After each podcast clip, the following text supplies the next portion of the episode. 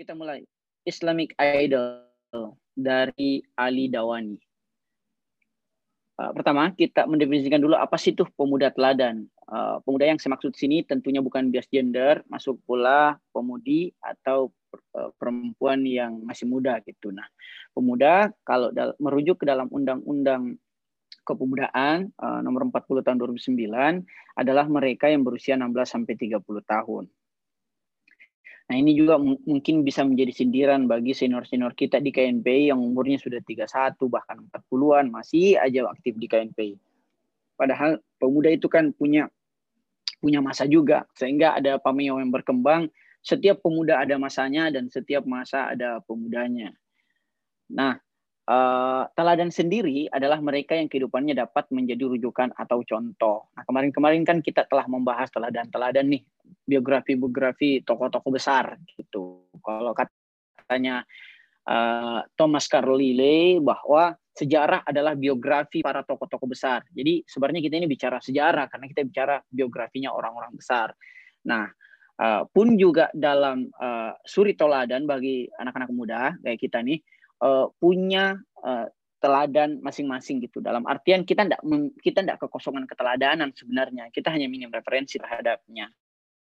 Sehingga pemuda teladan dimaksud adalah mereka yang berusia uh, sehingga pemuda teladan dimaksud adalah mereka uh, yang masih dikategorikan sebagai berusia muda 16 sampai 30 tahun dan kehidupannya dapat menjadi rujukan atau contoh. Siapa saja mereka kita bagi ke dalam tiga uh, periode yaitu pemuda teladan pra Rasulullah Shallallahu Alaihi Wasallam, pemuda zaman uh, pemuda teladan zaman Rasulullah Shallallahu Alaihi Wasallam dan pemuda teladan pasca Rasulullah Shallallahu Alaihi Wasallam. Nah, yang pertama pemuda teladan pra Rasulullah Shallallahu Alaihi Wasallam. Nah, uh, yang saya resensi di dalam buku ini terdapat 10 pemuda teladan pra Rasulullah Shallallahu Alaihi Wasallam. Yang pertama tentunya Nabi Ibrahim alaihissalam. Uh, Nabi Ibrahim alaihissalam juga digelari sebagai kaliullah atau sahabat Allah subhanahu wa taala. Nah di masa mudanya Nabi Ibrahim sangat berani uh, menentang kezaliman dan uh, kefakiran, kekafiran dan kefasikan dari Raja Namrud pada waktu itu. Kita mungkin masih mengingat ayat-ayat Al-Quran yang menceritakan Eh, bagaimana Nabi Ibrahim itu merobohkan berhala-berhala saat uh, Nabi eh, saat sorry Raja Namrud itu berpesta berpesta pora. Sehingga Nabi Ibrahim dipanggil dan dipertanyakan siapa yang menghancurkan berhala ini? Nabi Ibrahim dengan berani menunjukkan bahwa di berhala besar itu si Raja Jalut mengatakan bahwa nggak mungkin dia kan ini berhala. Terus dengan logika terbalik Nabi Ibrahim alaihissalam uh, kemudian uh, menambahkan bahwa ya kalau begitu kenapa Anda ingin menyembah sesuatu yang juga diciptakan yang tidak bisa mendengar dan tidak bisa melihat yaitu berhala itu sendiri. Itu uh, peristiwa itu direkam oleh Al-Qur'an dan for your information di situ usia Nabi Ibrahim alaihissalam masih sangat belia atau masih sangat muda. Yang kedua yaitu Nabi Ismail alaihissalam. Nabi Ismail alaihissalam juga itu teladan pemuda uh, ditandai dengan ikhlasnya Nabi Ismail alaihissalam itu disembelih oleh ayahnya sendiri, ayah tercintanya. Sehingga uh, wujud keikhlasannya itu kemudian Allah gantikan dengan biri-biri atau domba. Inilah yang kemudian ditandai sebagai momentum Idul Kurban atau Idul Adha setiap tahunnya bagi umat Muslim. Nah, yang ketiga Nabi Yusuf alaihissalam itu periode teladannya ditandai ketika ia uh, dengan sangat uh, dengan sangat suhud itu menolak rayuan dari uh, Sulaika. Nah, di situ kan terlihat jelas dalam Al-Qur'an pula disebutkan uh, Nabi Yusuf itu digoda oleh Sulaika sehingga uh, baju dari Nabi Yusuf itu sobek gitu. Ada novel yang sangat menarik uh, membahas tentang ini Yusuf dan Sulaika karena kan kita yang setahu kita kan hanya peristiwa uh, sobekan baju saja yang kita tahu ternyata ada peristiwa-peristiwa setelahnya. Bahkan ada filmnya nih Nabi Yusuf alaihissalam.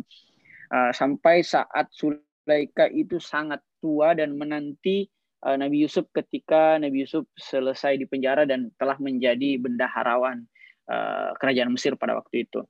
Nah, uh, teladan keempat pemuda yaitu Nabi Musa alaihissalam di usianya yang masih sangat muda Nabi Musa alaihissalam kemudian berani keluar dari kerajaan dalam hal ini kerajaan yang dipimpin oleh Firaun uh, dan kemudian uh, merantau ke negeri yang mana di masyarakatnya atau di umatnya dipimpin oleh seorang nabi pula yang bernama Nabi Suaib alaihissalam. Nah, di situlah Nabi Suaib alaihissalam menikahkan putrinya kepada Nabi Musa alaihissalam yang mana dalam Al-Quran tercatat mahar untuk Nabi Musa alaihissalam yang notabene di situ adalah seorang musafir atau seorang imigran uh, karena Nabi Musa mengatakan saya tidak memiliki harta, yaitu 8 sampai 10 tahun bekerja tanpa digaji. Jadi kita bisa asumsikan nih guys, misalnya eh, kita bekerja dalam satu pekerjaan tanpa digaji hanya untuk uang makan saja, mungkin sekitar uh, kita asumsikan aja ya, uh, setiap hari mungkin kita makan tiga kali, anggaplah 15 satu kali 45 selisihnya sampai 50 ribu lah setiap hari satu bulan 1,5 satu bulan. Itu kita kalikan dalam 8 sampai 10 tahun. Kalau satu tahun 1,5 itu setiap bulannya berarti ada sekitar 100 uh, kan ada 1,5 berarti satu tahun itu ada 15 berarti ada 18 juta satu tahunnya. 10 tahun berarti 180 juta. 8 tahun Eh, berarti sekitar 150-an juta. Jadi sebenarnya di zaman Nabi Musa alaihissalam pun juga mahar untuk pernikahan sudah sekitar seratusan juta. Sehingga tidak ada sebenarnya uh, alasan bagi laki-laki untuk mengatakan bahwa saya tidak mampu. Anda kan bisa kerja, misalnya ya selama 8 sampai 10 tahun kalau Anda baru mau mulai. Tapi kalau Anda sudah pernah memulainya atau alhamdulillah kalau Anda punya aset, ya ini bisa menjadi rujukan bahwa Nabi Musa alaihissalam pun yang seorang musafir pada waktu itu maharnya 8 sampai 10 tahun bekerja tanpa dibayar. Nah, eh, berikutnya adalah Nabi Daud alaihissalam di usianya yang sangat belia juga berani eh, berhadapan-hadapan dengan eh, Jalut atau kalau dalam literatur barat disebut sebagai David and Goliath. Nah, di situ uh, terlihat jelas usia belia Nabi Daud alaihissalam itu berani melawan Jalut yang uh, notabene-nya seorang raksasa uh, dan bermodalkan dengan ketapel. Nah, teman-teman bisa juga melihat banyak visualisasi-visualisasi terhadap perlawanan Nabi Daud alaihissalam terhadap raksasa Jalut yang merupakan uh, perwakilan dari kerajaan Tiran pada waktu itu sehingga Nabi Daud diangkat menjadi raja dan kemudian uh, membesarkan anaknya yang menjadi salah satu orang terkaya di muka bumi atau uh, mujizatnya adalah orang yang paling sangat kaya yang tidak akan pernah ada satu makhluk pun yang melebihi kekayaan Nabi Sulaiman alaihissalam. Sehingga saking kayanya nih Nabi Sulaiman alaihissalam mengatakan bahwa uh, berdoa ya Allah jadikanlah aku orang yang paling kaya di muka bumi ini sehingga tidak ada orang yang mendapatkan ujian kekayaan seperti saya. Itu artinya ujian bagi seorang kaya itu lebih berat sebenarnya bagi si miskin karena si kaya ini harus mempertanggungjawabkan kekayaannya, baik itu dari mana ia peroleh dan untuk apa ia belanjakan kekayaannya tersebut. Jadi sebenarnya kekayaan itu uh, tanggung jawab atau ujian Ya, ini menurut Nabi Sulaiman alaihissalam. Jadi kalau kita mau bandingkan sama kekayaan Rockefeller, Rothschild, atau Bill Gates atau sebagai alaihissalam.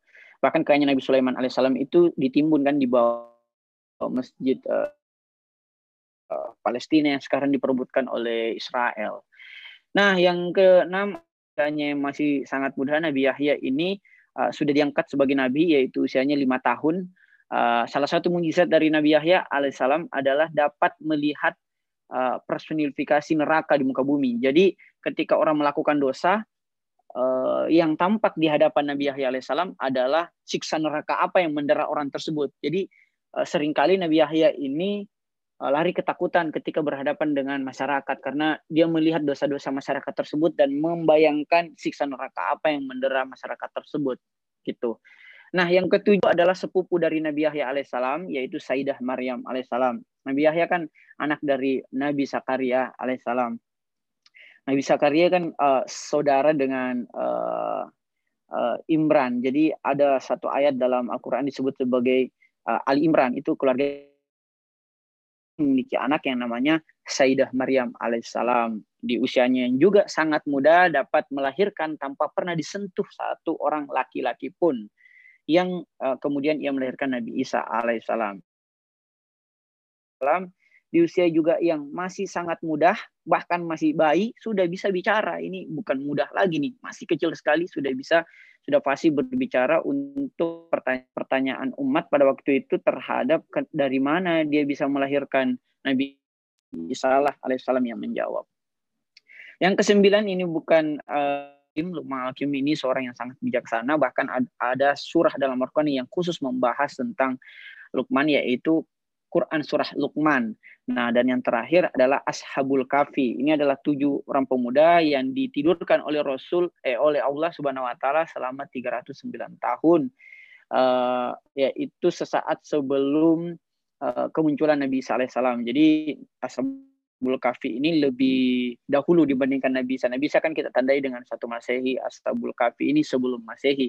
Tapi setelah Nabi Yahya alaihissalam. Jadi kurang lebih mungkin di periode-periode kayak di zaman Yunani, Yunani kuno kurang lebih. Nah itu di pemuda teladan pra Rasulullah SAW. Nah pemuda teladan di zaman Rasulullah SAW uh, tentunya Rasulullah SAW sendiri yaitu ketika dia uh, di usia yang muda telah mendirikan organisasi yang namanya Hilful Fudul, uh, sebuah organisasi kemasyarakatan yang bertugas untuk me, uh, menghidupkan wara atau mencegah amar ma'ruf nahi mungkar. Nah, jadi uh, semacam uh, semacam sosial uh, civil society untuk menegakkan uh, uh, akhlak gitu atau moral publik. Jadi kelompok-kelompok pemuda yang didirikan oleh Rasul SAW. Dia juga sudah sangat mandiri di usia yang 12 tahun. Nah, untuk teladan perempuan di zaman Rasul ada Sayyidah Fatimah alaihissalam. Ini adalah anak uh, tersayang atau anak kesayangan uh, Rasul yaitu Sayyidah Fatimah alaihissalam di usianya yang sangat muda juga telah menjadi ummi abiha atau ibu bagi bapaknya dalam hal ini merawat Rasul SAW yang uh, yatim piatu dan ditinggalkan istri tersayangnya Sayyidah Khadijah di usia apa di di eh, di usia yang ke-50. Jadi ini juga uh, uh, for information Rasul poligami itu uh, hanya 13 tahun di usianya yang ke-50 sampai 63 dan Rasul itu monogami itu lebih lama yaitu 25 tahun di umurnya yang ke-25 sampai umur 50 tahun yaitu sepeninggal Hadijah. Jadi saat Hadijah atau istri pertama Rasul itu masih hidup dia tidak pernah poligami sama sekali. Jadi ini untuk menepis anggapan bahwa Rasul ini uh, gila perempuan kayak gitu.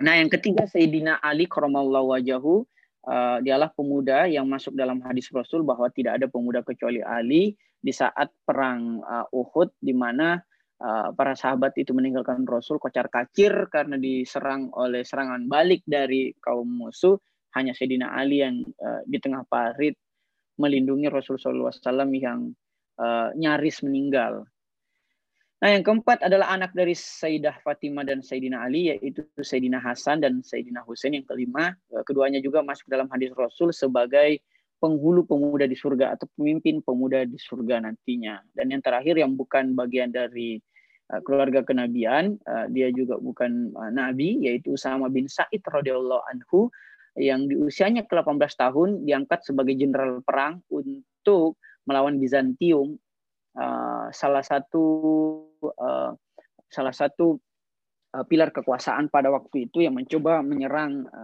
Islam. Nah, Bizantium itu Romawi, Romawi, Romawi Timur. Jadi uh, Usama ini di yang masih tahun itu sudah menjadi jenderal perang yang diangkat sendiri oleh Rasul Shallallahu Alaihi Wasallam.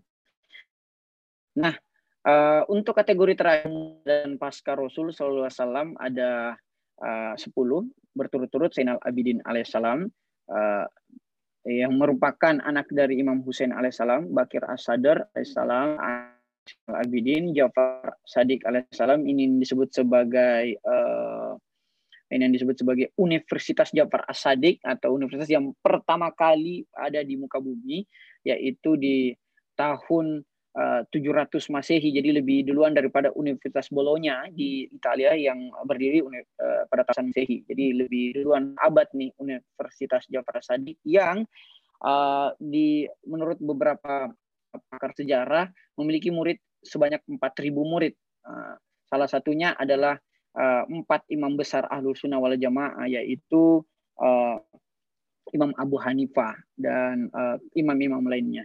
Nah yang keempat Imam Musa Kasim alaihissalam anak dari Ja'far Sadiq uh, berturut-turut setelah itu ada Imam Ali Ridha alaihissalam, Muhammad Jawad alaihissalam, uh, anak dari Imam Musa Kasim yaitu Sayyidah Fatimah Maksuma alaihissalam atau saudara dari Imam Ali Ridha. Uh, ada Muhammad Ali Hadi alaihissalam anak uh, dari Muhammad Jawad alaihissalam. Uh, ada Muhammad Hasan Alaskari uh, alaihissalam. Uh, dan yang terakhir uh, Ahmadi Al Muntasar alaihissalam yang diangkat sebagai imam di usianya yang uh, sangat sangat belia yaitu di usia lima tahun.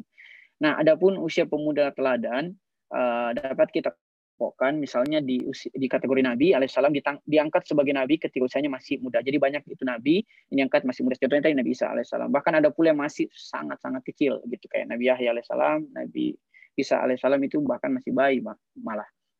Nah, untuk kategori imam sendiri rata usianya mau uh, kalkulasi ya dari Imam Ali alaihissalam hingga Imam Mahdi alaihissalam itu yaitu 32, 37, 47, 23, 38, 20, 35, 88, 22 dan 5 tahun. Nah, kalau kita total uh, usia para imam ini yaitu 306 tahun. Kalau kita bagi 12 imam maka mean atau rata dari usia imam itu diangkat pada usia 25,5 tahun atau sekitar 25 tahun. Ini juga menjadi relevan deh uh, sabdanya Rasul SAW bahwa didiklah anakmu 25 tahun sebelum ia lahir. Itu artinya 25 tahun ini kita harus mendidik diri nih sebelum kita berkeluarga sehingga ketika kita berkeluarga kita sudah bisa jadi imam atau bisa jadi pemimpin bagi orang lain minimal bagi keluarga kecil kita masing-masing. Nah, sebagai penutup bahwa setiap zaman senantiasa hadir pemuda teladan sehingga tidak ada alasan untuk mengatakan kita mengalami kekosongan keteladanan, khususnya bagi pemuda yang tengah mencari jati dirinya. Bahwa pemuda bukan lagi mereka yang hanya disuap oleh generasi terdahulu, melainkan mereka yang menjadi teladan bagi umat manusia berkat ketekunannya dalam belajar dan keberaniannya dalam menegakkan kebenaran dan keadilan di jalan Allah Subhanahu wa taala. Semoga bermanfaat dan berkah. Terima kasih. Wassalamualaikum warahmatullahi wabarakatuh.